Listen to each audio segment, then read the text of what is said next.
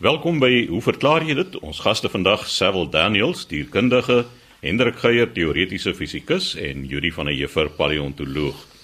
Yuri, ons het 'n tydjie oor sonwysers gesels, maar dis iets wat die luisteraars net nie kan uitlos nie. Hulle wil al meer weet daarvan en jy het nou nog terugvoer ontvang. Chris, ja, dit hou nie op nie. Ek het nie besef dat daar soveel belangstelling is nie en ek wil net graag eers 'n bietjie terugvoering gee van onder andere Frans Venter wat geskryf het dat hy op 'n stadium woordbediening in die gevangenis in Hartswater gedoen het op Sondag. En dit was nog die dae toe daar sulke lang selle gewees het met 20 gevangenes in en een van die gevangenes het toe teen die een muur van die sel 'n uh, sonwyser gemaak sodat almal in die sel te enige tyd kon weet hoe laat dit is En hy sê ek glo dis dalk die mees uitsonderlike plek vir 'n sonwyser, maar een wat wel baie betekenis gehad het. Nou dit is interessant. Dan is daar twee mense wat geskryf het. Die een is Lenet Postumus en sy kommentaar gelewer op die sonwyser en die fotos daarvan wat Rindert Eipma uit Nederland gestuur het waar hy een kamer in sy huis omskep het in 'n sonwyser wat met 'n prisma werk en sy vra kan jy die fotos van die sonwyserkamer op RSG se webtuiste plaas? Nou wat ek gedoen het ek het die fotos vir haar aangestuur. Dit sal by haar aankom maar ek het nie Rindit se brief of sy e-pos vir haar gestuur nie want ek glo daar is sekere beperkings op hoe mense e-posse uitdeel aan ander mense. Net so en Marda Minok van Pretoria geskrywe en sy wou ook die fotos gehad het en dit is ook aangestuur na haar toe. En dan is daar 'n baie treffende kommentaar van Hermie Baartman.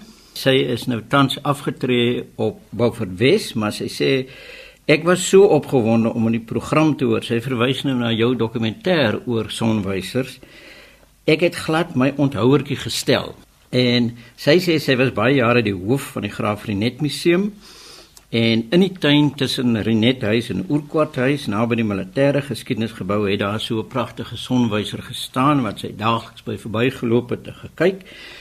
En dit het blykbaar aan 'n sekere Schultz behoort en die datum wat sy gee is 1778, maar sy's nie seker van die datum nie. Wat toe wel gebeur het soos met baie sonwysers wat ons van weet, iemand het die heining gebreek en die gnomon gesteel. Op 'n dag loop sy weer daar in toe ontmoet sy 'n man en sy dink dit was generaal Lombard, 'n lugmagoffisier wie se ouers in die ouer huis op Graafrenet gewees het. Hy was ook 'n sonwyser entoesias en hy het toe die sonwyser kom regmaak. En hy het vir haar verduidelik hoe mense dit kalibreer en waar jy nou wanneer jy moet kyk vir die korrekte tyd. En sy haal nou nogal interessant aan, daar is 'n onderskrif in Engels by die sonwyser wat sê Let others talk of rain and showers. I only count the sunny hours. Sy vermoed die sonwyser is nou al in sy glorie, maar sy kan nog vir haar dogter vra om 'n foto te neem as ons een sou wou hê. Nou sê sy, sy het 'n ongekende belangstelling in sonwysers. Sy is nou al 75 en toe het sy op die internet gaan kyk en sy is nou vasbeslote om vir haar 'n sonwyser te praktiseer. Nou Chris, een van die mense wat jy mee gesels het op jou program was professor Isak Rust wat nou in die strand bly en hy is 'n sonwyser deskundige. Hy bou sonwysers en hy's ook so 'n unieke sonwyser wat hy bou. En hy het toe met die opname van die program het hy ook besluit hy gaan 'n vraag aan die luisteraars vra. En die een wat nou die vraag korrek kan beantwoord volgens hom want hy is die allerbeoordelaar sal dan 'n bottel wyn ontvang. Val Japie. In elk geval 'n hele paar mense het die uitdaging aanvaar.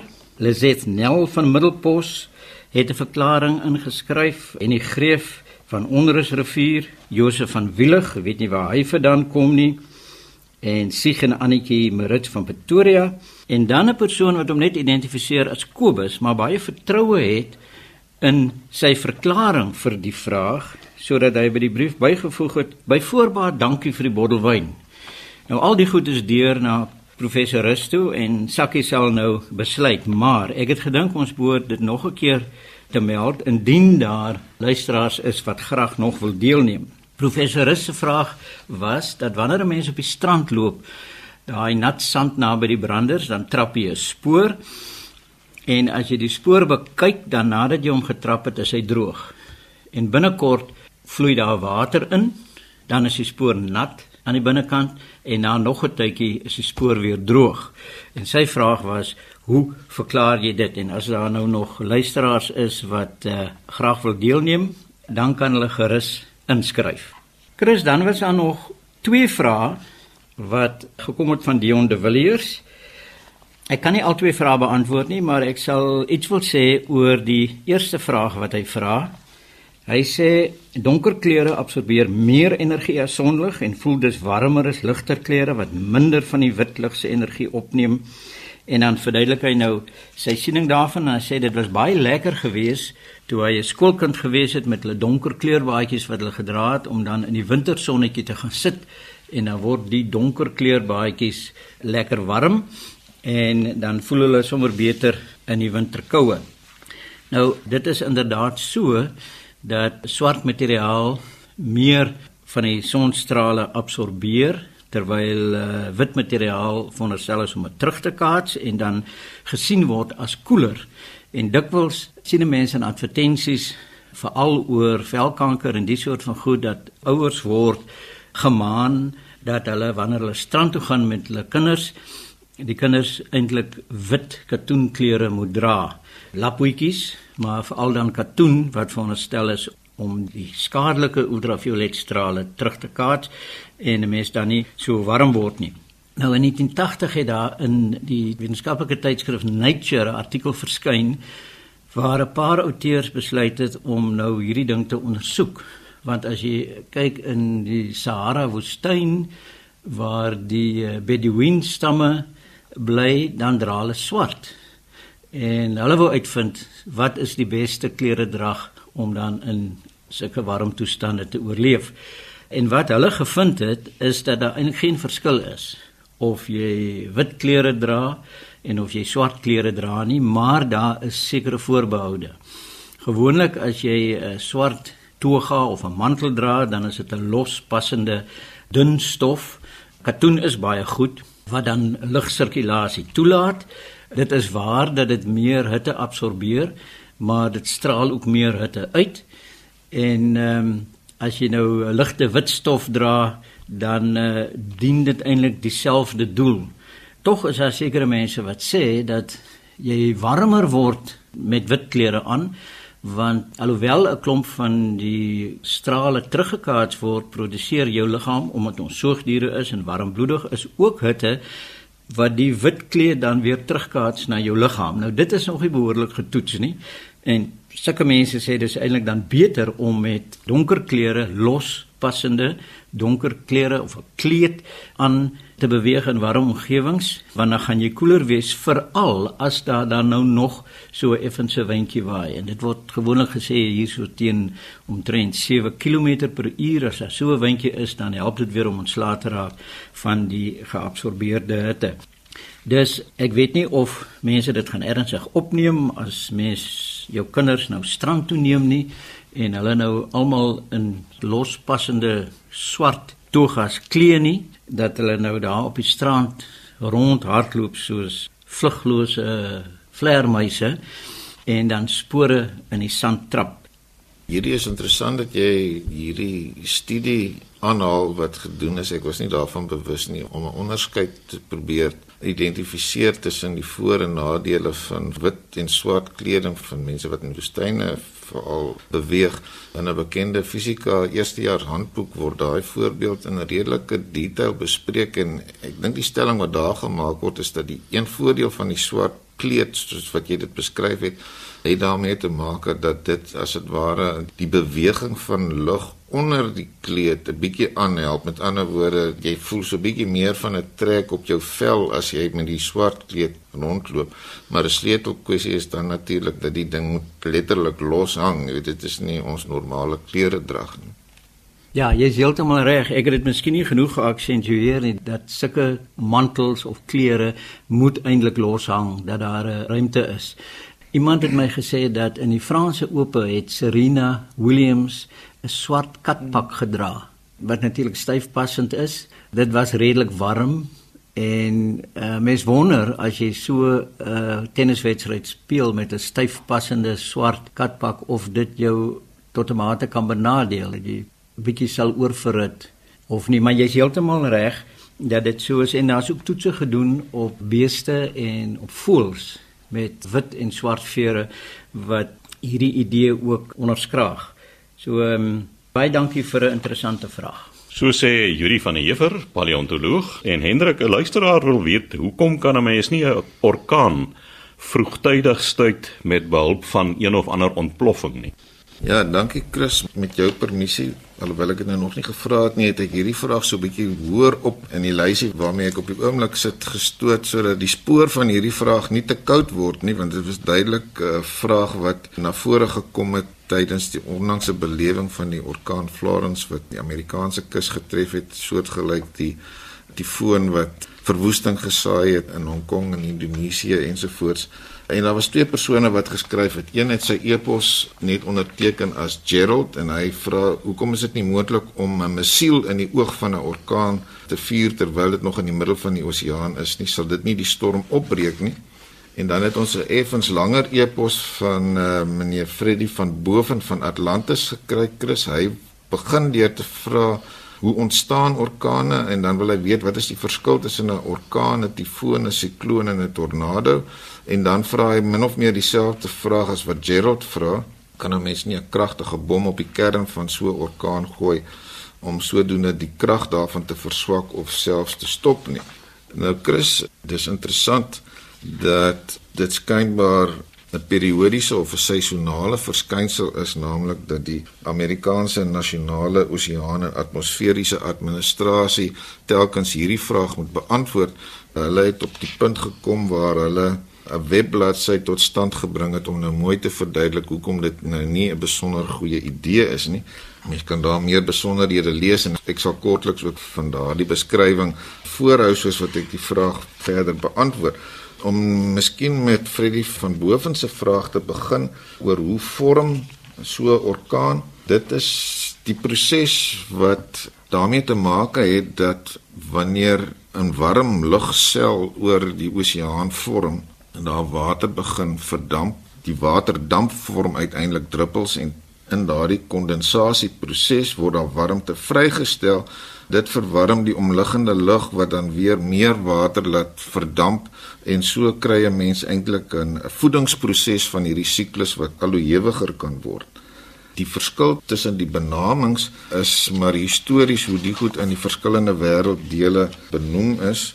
Orkane is die goed wat ons tipies in die Noord-Atlantiese Oseaan en in die noordooste van die Stille Oseaan, dit wil sê aan die Noord-Amerikaanse Weskus aantref. Tifone is die goed wat soortgelyk ontstaan in die noordweste van die Stille Oseaan, dit wil sê tipies die goed wat verwoesting saai in dele van Asië en in Japan spesifiek. En siklone is die goed wat onder andere in die Indiese Oseaan hulle verskyning maak. Ons het op ons eie ooskus al ervaring hiervan gehad en ook tussen Suid-Amerika en Australië in die suidelike Stille Oseaan. So al hierdie goed is maar tropiese storms of meer spesifiek tropiese siklone en dit is net 'n naamsonderskeid wat histories tot stand gekom het. Die enigste uitsondering hier is die tornado's wat natuurlik ook 'n sikloniese wind is. Met ander woorde daai tipiese tregtervorm wind wat soos 'n klein warrelwindjie net in 'n baie meer omvangryke patroon waai.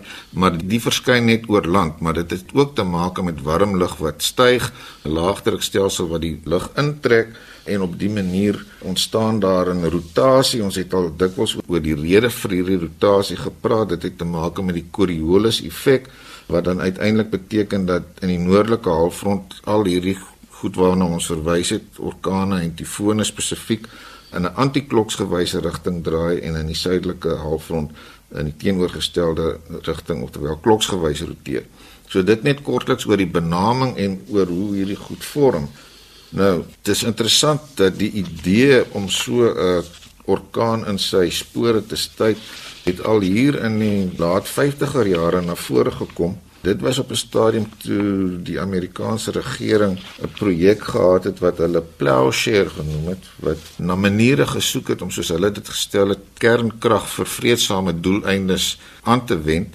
Dit het tot gevolg gehad dat er 'n paar redelike wilde idees destyds ondersoek is soos byvoorbeeld om iets soos die Panama Kanaal tot stand te bring met 'n kernbomontploffing en in daardie tyd het 'n persoon met die naam van Jack Reed wat 'n meteoroloog was in Amerika vir die eerste keer hierdie idee na vore gebring dat 'n mens 'n orkaan vroeg kan probeer stuit deur 'n kernbomontploffing.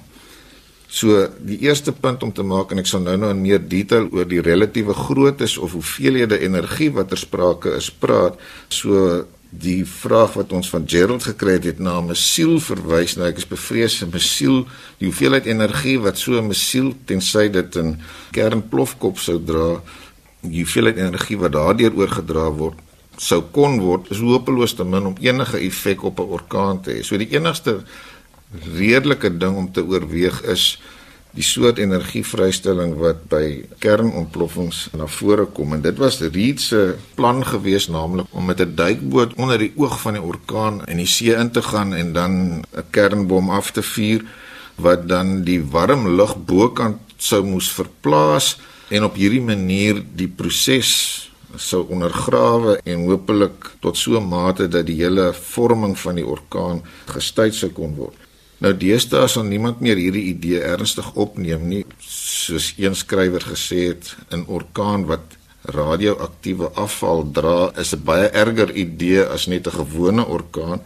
So die idee om so iets met 'n kernontploffing te probeer bewerkstellig sal deesdae net nie meer aanvaarbaar wees nie, maar as 'n mens selfs net gaan kyk na die relatiewe hoeveelhede wat ter sprake is, kom jy agter dat as jy alle ander oorwegings buite rekening laat, sou dit ook nie eintlik veel indruk op 'n orkaan maak as jy so 'n kernbom in die middel van die oog laat ontplof nie. So hier is 'n paar stukkies inligting om net dit net te onderskuif kus.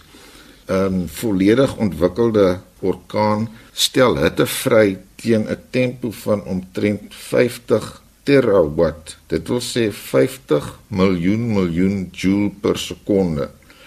Nou omtrent 10% hiervan word uiteindelik omgesit in wind. Vergelykenderwys is dit so dat in 2011 was die totale tempo van energieverbruik op aarde deur die ganse mensdom was maar omtrent 'n derde van hierdie energieverbruiktempo wat ek nou net pas aangehaal het. So as 'n mens nou teen daardie tempo energie tot die stelsel moet toevoeg om hom te versteur, dan praat 'n mens van die ontploffing van 'n 10 megaton kernbom elke 20 minute. Dit sal vir jou hoeveelheid energie verskaf wat vergelykbaar is met die energie wat reeds in daai orkaan is. Nou om dit nou net in perspektief te plaas, die Hiroshima bom was die ekwivalent van 15 kiloton TNT. Hierdie goed word dikwels in kiloton of ton TNT. TNT is natuurlik 3 nitrotolueen. Dit word so geformuleer. Mens kan dit ook in gewone energieterme formuleer naamlik 1 kiloton TNT wat ontplof gee vir jou omtrent 4 terajoules dit wil sê 4 miljoen miljoen joules.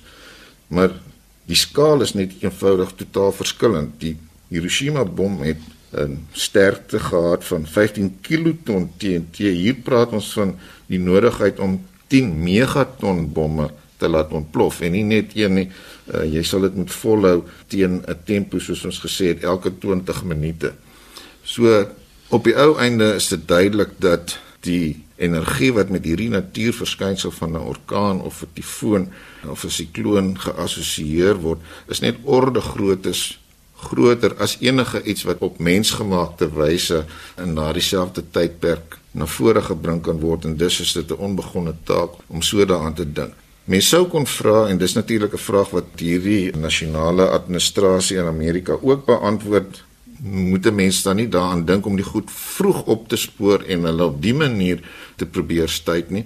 Maar as 'n mens dan gaan kyk na die hoeveelhede van hierdie goed wat ontwikkel en waarvan dit klaarblyklik net nie moontlik is om vooraf met redelike sekerheid te kan voorspel watter van hulle uiteindelik tot orkaansterkte gaan ontwikkel nie, dan kom jy agter dat in die tipiese orkaanseisoen, dit wil sê in die noordelike somer en daar's 'n amptelike seisoen terloops van 1 Junie tot 30 November met die piek hier in September rond soos ons nou ook weer gesien het. Dan is daar van die orde van 80 tot 100 van hierdie goed wat begin ontwikkel en sommige van hulle neem dan uiteindelik weer af en bereik ook nie landmassas nie en is met uitsondering wat dit uiteindelik orkaansterkte bereik. So die idee dat jy 80 tot 100 van hierdie goed monitor en elkeen van hulle wat ontstaan gaan probeer stuit is ook nie 'n baie praktiese oplossing nie. So op die ou einde lyk dit vir my sit ons hier met 'n situasie waar ons eenvoudig uitgelewer is aan die natuur en op ander maniere moet dink oor hoe om die skades te bekamp. Die hele kwessie van klimaatsverandering word natuurlik ook in hierdie gesprek ingeklits, maar dit raak miskien 'n bietjie te veel vir vandag. So sê Hendrik Geier, teoretiese fisikus, laaste aan die beurt Sewil Daniels en Sewil, jy gesels oor kameelperde. Goeiemôre Chris, gee ons 'n paar vrae van John van Plettenberg Bay wat vra hoe het kameelperde ontstaan? Aangesien hulle baie lang nekke het, is hulle verwant aan dinosourusse. En dan het hy ook 'n vraag oor of daar fossiele vir kameelperde bekend is en hy wil ook graag weet of hulle meer wervels in hulle nek het aangesien hulle nekke so lank is. John, die antwoord is soos volg: Heidiglik is daar slegs een kameelperd spesies, Giraffa camelopardalis, versprei oor Afrika, waar daar in die verlede nege subspesies van bekend was. Nou as jy nou onthou van jou hoërskoolbiologie of universiteitsbiologie, 'n subspesie is nou 'n geografiese variant van die tipe spesies en hy kan dan nou verskille het in velkleur en so voort.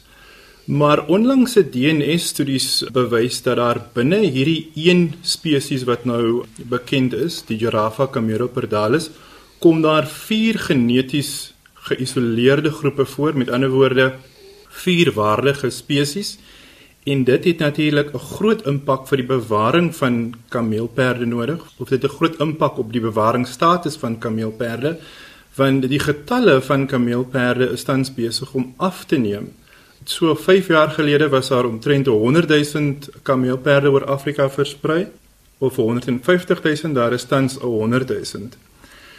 Nou, die volgende vraag oor die fossiele is 'n meer interessanter een. Mitchell en Skinner het in 2003 'n artikel gepubliseer in die Transactions of the Royal Society van Suid-Afrika waar hulle voorstel dat die moderne kameelperde in die suide en sentrale gedeeltes van Europa ontstaan het so ongeveer 8 miljoen jaar gelede.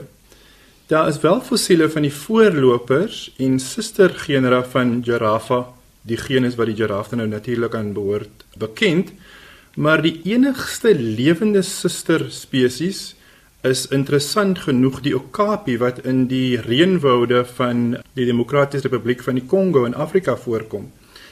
Histories het kameelperde wel in China en in Indië voorgekom, maar klimaatsverandering daar het gelei tot die uitsterwing van die spesies. Fossiele van Giraffa camelopardalis, met ander woorde die algemene kameelperd wat 'n mens nou kry, kom so ongeveer 1 miljoen jaar gelede in Oos-Afrika voor.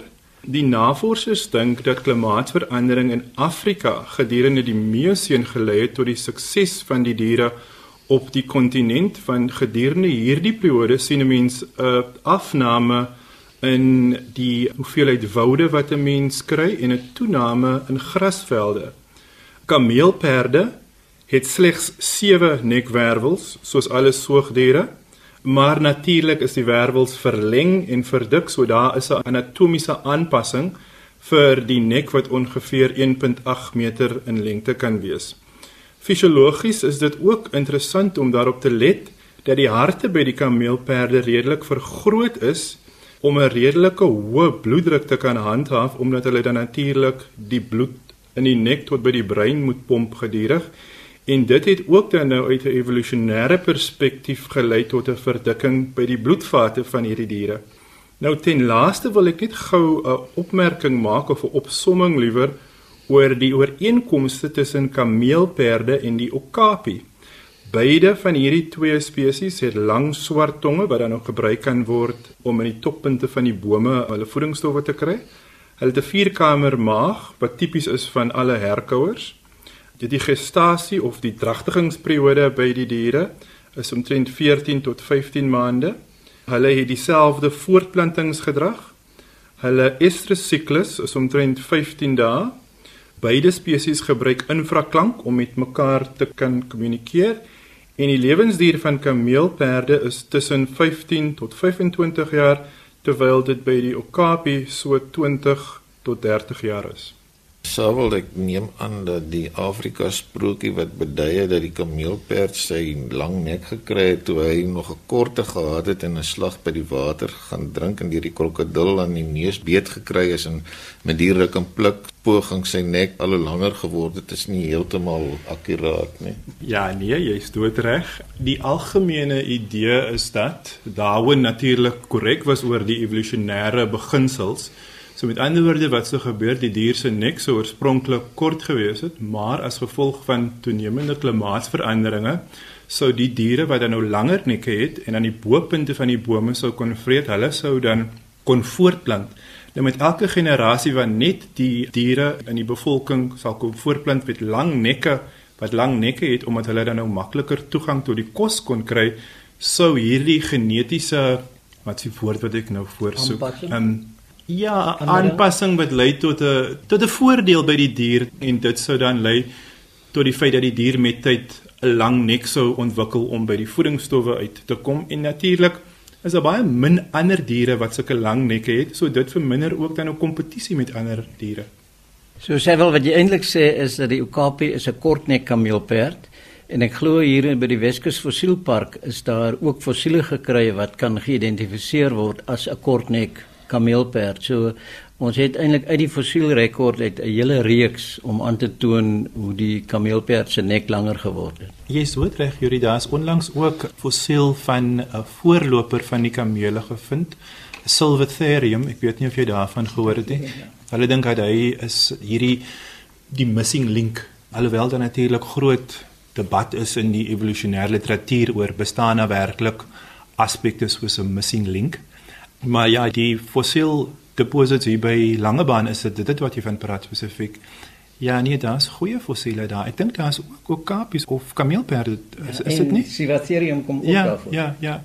Daar het die tyd ons ingehaal. Dit was dan Sewil Daniels, dierkundige. Skryf gerus aan ons by hoe verklaar jy dit? Posbus 2551 Kaapstad 8000 of stuur 'n e-pos aan chris@rsg.co.za.